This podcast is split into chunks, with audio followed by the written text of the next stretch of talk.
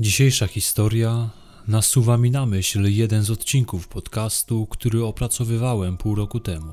Być może Wam również nasuną się skojarzenia podobne do moich. Dajcie znać po wysłuchaniu. Pomysł na odcinek podsunęła mi Wanda. Było to już jakiś czas temu, ale nie zapomniałem o Twojej sugestii. Bardzo dziękuję. Zapraszam na podcast Mrożące Krew. Anna T. z domu Gołda urodziła się w roku 1984. Wzięła ślub jako nastolatka, miała 19 lat. W 2003 roku na całe życie połączyła swoje losy z Kamilem. Mężczyzna był od niej o 5 lat starszy. W tym samym roku na świat przyszło ich dziecko, synek. Z zawodu Kamil był mechanikiem. Ich związek należał do tych burzliwych. Kamil miał problemy z alkoholem. Pił zdecydowanie za dużo, a gdy wypił, stawał się agresywny. Rodzina i znajomi zdawali sobie sprawę z problemu, z którym borykała się para. Anna niejednokrotnie zgłaszała się o pomoc do rodziców, gdy rodzinne awantury zaczęły wymykać się spod kontroli. Jej ojciec, Aleksander, interweniował niezwłocznie, gdy była taka potrzeba. Jej przyjaciółki widziały na twarzy Ani sińce pod oczami. Ona sama bała się wychodzić do ludzi, gdy nie była w stanie ukryć śladów bicia ze strony męża. Starała się kamuflować podbite oczy, nosząc okulary przeciwsłoneczne. Mimo wszystko, każdy wiedział, co dzieje się w jej domu. W roku 2014 mężczyzna przestał się hamować nawet przy znajomych. Był agresywny.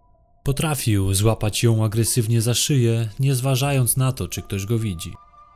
W kwietniu 2014 roku doszło do tego, że para była w separacji. W sądzie znalazła się sprawa dotycząca przemocy męża względem żony. Kamil wyprowadził się z domu i zamieszkał ze swoimi rodzicami. Co kilka dni przychodził jednak do domu, by spotkać się z synem. Długi weekend majowy kończył się 4 maja. Była to niedziela. Wieczorem, około godziny 20, zgodnie z ustaleniami, przyszedł do Anny, by odebrać syna, którego tego dnia zabierał do swoich rodziców, ponieważ Anna nazajutrz szła do pracy i nie miała z kim zostawić syna w domu. Gdy syn był już pod opieką rodziców, wtedy Kamil intensywnie wydzwaniał do Anny. Powiedział, że przyjedzie jeszcze raz, ponieważ musi zabrać z domu kilka dokumentów. Potrzebne mu są one, ponieważ postanowił udać się na leczenie odwykowe. Te papiery przydadzą mu się do rejestracji. Kobieta, która była świadoma zagrożenia, jakie może ją czekać ze strony męża, konsultowała się z rodzicami, co ma zrobić. Oboje stanowczo odradzili jej wpuszczanie niebezpiecznego mężczyzny do domu, gdy nikogo nie ma oprócz niej. Wieczorem Anna rozmawiała z przyjaciółką przez telefon. Ktoś zapukał do drzwi. Powiedziała jej, że to na pewno Kamil, więc otworzyła. No i od tamtej pory nastała już cisza. Tak przynajmniej mówiła siostra Anny Gołdy. Co się działo potem tego wieczoru? Początkowo nikt nie miał pojęcia, jaki był przebieg wydarzeń w domu Anny Gołdy w późnych wieczornych godzinach 4 maja. Jednak kolejnego dnia Kamil przyszedł do domu. Tam zastaje makabryczny widok. Jego żona leży martwa w łazience z pętlą zaciśniętą na szyi. Wszystko wskazuje na to, że kobieta popełniła samobójstwo. Mężczyzna jest w szoku. Najpierw dzwoni do ojca i zrozpaczony informuje go, że Anna nie żyje. Mówi, że sama się zabiła. Ojciec po tym telefonie niezwłocznie rusza w kierunku domu Anny Gołdy. Następnie Kamil dzwoni do swojego przyjaciela. Przez słuchawkę płacze. Mówi, że Ania nie żyje i teraz wszystko jest bez sensu. Mówi, że podcina sobie żyły, bo nie chce żyć, wiedząc, że jego ukochana popełniła samobójstwo. Mężczyzna niezwłocznie pojawił się na miejscu. Zastał tam krwawiącego przyjaciela. Czym prędzej owinął koszulką rękę, w której podciął sobie żyły. W ten sposób chciał zatamować krwawienie. Za chwilę na miejscu pojawił się też ojciec Kamila. Rana, którą sam sobie zadał, wyglądała poważnie. Wraz ze swoim przyjacielem udali się do szpitala. Śledczy w domu pojawili się nieco później. Dlaczego ich pojawienie się trwało tak długo? Przed nimi na miejscu zdążyli pojawić się zarówno ojciec, jak i przyjaciel Kamila. Sądzę, że prawdopodobnie minęło trochę czasu, zanim zostali poinformowani o sytuacji. Możliwe, że to nawet nie Kamil ich zawiadomił, a jego ojciec. Był on emerytowanym policjantem i dobrze znał pracujących na pobliskim posterunku funkcjonariuszy. To on otworzył drzwi, gdy pojawili się pod nimi śledczy. Był obecny przy oględzinach zwłok. Biegły, który przeprowadzał oględziny, był znajomym ojca Kamila. Dość szybko stwierdził samobójstwo, choć wiele wskazywało na to, że wcale nie była to śmierć samobójcza. Pytany potem o znajomość z ojcem Kamila, oburzył się, że insynuuje mu się, że nie podszedł do sprawy z należytym profesjonalizmem. Stwierdził, że oczywiście go znał, ale nie miało to żadnego wpływu na jego opinię. Sprawa śmierci Anny Gołdy została umorzona. Rodzice Ani byli przekonani, że za zabójstwem ich córki stoi ich zięć. Po otrzymaniu informacji o śmierci córki, matka krzyczała na cały głos, że ten morderca zabił Anię. Nie mogli pogodzić się z decyzją sądu o umorzeniu sprawy jej śmierci. Walczyli o sprawiedliwość. Dwa lata po tej tragedii dotarli do policjantów z komendy wojewódzkiej w Kielcach. Przekonali ich do ponownego zainteresowania się tą sprawą. Pierwszym, co zrobili śledczy, było przebadanie Kamila na wykrywaczu kłamstw. Kilkukrotnie zadano mu pytanie, czy to on zadał śmierć swojej żonie. Oczywiście zaprzeczał. Jednak zapis na wariografię wskazywał, że mówi on nieprawdę. Najprawdopodobniej pod naciskiem śledczych, którzy byli nieugięci, pękł i postanowił wyznać prawdę. Przyznał się, że to on stoi za śmiercią Anny Gołdy. Wtedy sprawa ruszyła z miejsca i zaczęto ponownie szukać dowodów na to, że Kamil T. zamordował własną żonę, a następnie upozorował jej samobójstwo. Tym razem zrobiono to w znacznie bardziej profesjonalny sposób niż wcześniej. Kolejna sekcja zwłok nie pozostawiała wątpliwości. Anna została zamordowana. Już na pierwszy rzut oka było widać, że nie mogło być to powieszenie. Na szyi było widać trzy albo nawet cztery bruzdy od duszenia. To znaczy, że zmieniało się miejsce ucisku sznura. Najprawdopodobniej było tak, ponieważ ofiara walczyła ze swoim oprawcą. Ten w wyniku szarpaniny kilkukrotnie zmienił mimowolnie miejsce ucisku. W wyniku powieszenia taka sytuacja nie ma prawa mieć miejsca. Czy to możliwe, że pierwszy lekarz stwierdzający samobójstwo nie widział tak oczywistych śladów? Zapytany o to później wykręca się i reaguje agresją, ale nie jest w stanie powiedzieć, dlaczego błędnie stwierdził przyczynę zgonu.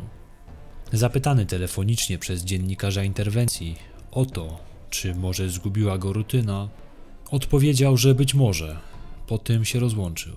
Spod paznokci ofiary udało się zebrać materiał genetyczny dwóch osób. Z całą pewnością jedną z nich był Kamil. Nie udało się zidentyfikować drugiej osoby, której ślady były po tej paznokciami.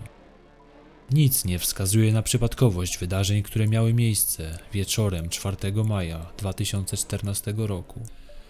Gdy po przekazaniu swoim rodzicom syna wrócił do domu Anny, zaopatrzył się w sznur. Z całą pewnością po to, by go użyć. Gdy Anna odwróciła się do niego tyłem, Kamil wyciągnął sznur i zacisnął go jej na szyi. Mocno uciskając, doprowadził do uduszenia własnej żony. Gdy już bezwładnie usunęła się na ziemię, był przekonany, że nie żyje. Jednak po chwili ruszyła ręką. Zdał sobie sprawę, że jeszcze pozostała przy życiu. Postanowił zatem dokończyć to, co rozpoczął. Po raz kolejny chwycił sznur i zacisnął na szyi Anny. Tym razem przytrzymał go na tyle długo, że upewnił się, iż z kobiety uszło życie. Jego dalsze zachowanie wskazuje wyraźnie na to, że miał plan co do tego, jaki przebieg będą miały wydarzenia tego wieczoru a cała zbrodnia była skrupulatnie obmyślana. W celu upozorowania samobójstwa przeciągnął zwłoki swojej żony do łazienki i przy pomocy tego samego sznurka zawiesił je na koloryferze. Następnie Kamil udał się do mieszkania swoich rodziców, gdzie spędził resztę nocy. Jak sam potem przyznał, po powrocie pił alkohol. Całość realizacji makabrycznego planu wydaje się być bardzo spójna. Można by przypuszczać, że mężczyzna wiedział, co należy zrobić, by uznano śmierć jego żony za samobójczą. A do tego, śpiąc u rodziców, załatwił sobie alibi na czas jej śmierci. Tutaj pojawia się pytanie o wtajemniczenie rodziców Kamila w plany syna. Jego ojciec to emerytowany policjant. Po wielu latach służby wiedział on, jak należy zachować się, by odsunąć od siebie podejrzenia w takiej sytuacji. Czy to możliwe, że on właśnie podsunął synowi pomysł, jak zrealizować zabójstwo? Znajomi Anny są zdania, że taka wersja jest bardzo prawdopodobna. Nikt jednak nigdy niczego nie udowodnił. Nie można skazać człowieka jedynie na podstawie przeczucia. Nazajutrz Kamil udaje się ponownie do mieszkania Anny. Nie wyjaśnił, w jakim celu udał się znów do jej domu. Wtedy to odkrywa zwłoki swojej żony w łazience. Dalszą część zdarzeń już znacie. Jedna z przyjaciółek twierdzi, że dzień po zabójstwie zadzwonił do niej Kamil. Ten telefon bardzo przeraził kobietę. Mężczyzna powiedział wtedy do niej tak: Twoja koleżanka nie żyje. Nie płaczesz? Ty dzisiaj, kurwo, też masz przejebane. Ojciec Kamila uważa, że gdyby od razu jego syn przyznał się do zabójstwa, to zostałoby ono uznane za zbrodnię w afekcie. Rzekomo feralnego wieczoru Ania powiedziała mu, że go nie kocha i nigdy go nie kochała. To miało sprowokować mężczyznę, który zaatakował. To jednak wersja, którą przedstawia ojciec zabójcy, więc trudno uznać ją za wiarygodną. Podobno Anna od dawna zdradzała męża. Tak przynajmniej twierdzi jego przyjaciel. W marcu 2018 roku w sprawie zabójstwa Anny zapadł pierwszy wyrok. Kamila T. skazano na 25 lat więzienia. Jego obrońcy odwoływali się jednak do sądu apelacyjnego w Krakowie. Tam wyrok zmniejszono do 15 lat. Prócz tego zobowiązany jest również do zapłacenia łącznie 250 tysięcy złotych rekompensaty bliskim Anny. Po 10 latach będzie mógł ubiegać się o warunkowe zwolnienie. W poczet kary zalicza się areszt, którym objęty był mężczyzna przed wydaniem wyroku. To oznacza zatem, że w grudniu 2026 roku będzie mógł starać się o wyjście na wolność. Sąd uznał, że przyznanie się jego jest szczere i że bez jego wyjaśnień sprawca nigdy mógłby nie być pociągnięty w ogóle do odpowiedzialności. Mimo upływu lat, nikt z biorących udział w śledztwie w sprawie śmierci pani Anny nie usłyszał jeszcze żadnych zarzutów. Biegły, który uznał, że doszło do samobójstwa, nadal pracuje i sporządza kolejne opinie. Rodzice Anny dostali list od mordercy ich córki wysłany z więzienia. Napisał w nim: Pragnę Was jeszcze raz bardzo przeprosić za krzywdę i tragedię, jaką Wam wyrządziłem. I tu pojawia się pytanie: czy można wierzyć w skruchę człowieka, który latami katował swoją żonę, a gdy poczuł, że stracił nad nią kontrolę, pozbawił ją życia? Sami sobie odpowiedzcie na to pytanie. Rodzice Anny wybaczyli już sprawcy. Uważają, że jako katolicy muszą potrafić przebaczać. Nie był dla nich ważny wymiar kary. Ich zdaniem, niezależnie od czasu, jaki Kamil spędzi w więzieniu, nie zmieni to ich cierpienia, z którym będą musieli borykać się do końca życia. To już wszystkie informacje, jakie udało mi się znaleźć na temat tej sprawy. Na początku odcinka wspomniałem, że historia ta nasuwa mi na myśl jeden z odcinków, który nagrałem niemalże pół roku temu. Już pewnie część z Was się domyśliła, że chodziło mi o śmierć Małgorzaty Śnieguły. W obu tych przypadkach początkowo uznano, że ofiara popełniła samobójstwo. W tamtej historii do dziś nikt nie został skazany, mimo iż wiele wskazywało na to, że zabójcą był mąż. W obu historiach niejasny jest udział teściów ofiary. Tam teściowa Małgorzaty zamazała wszelkie ślady, które mogły zmienić przebieg śledztwa. Tutaj istnieje podejrzenie, że ojciec mógł brać udział w tuszowaniu, a nawet w planowaniu zbrodni. Niejasna pozostaje też kwestia naskórka drugiej osoby, który znalazł się pod paznokciami ofiary. Czy oprawców było dwóch? Nie wiem niestety, czy zbadano ojca Kamila pod tym kątem. Skandaliczne jest to, że tak łatwo uznano tę sprawę za samobójstwo. Aż trudno uwierzyć, by znajomości ojca Kamila nie miały na to wpływu. W tym przypadku na szczęście udało się skazać sprawcę, a przynajmniej jednego ze sprawców. Tylko czy wyrok można uznać za adekwatny do zbrodni? Sami możecie sobie odpowiedzieć na to pytanie.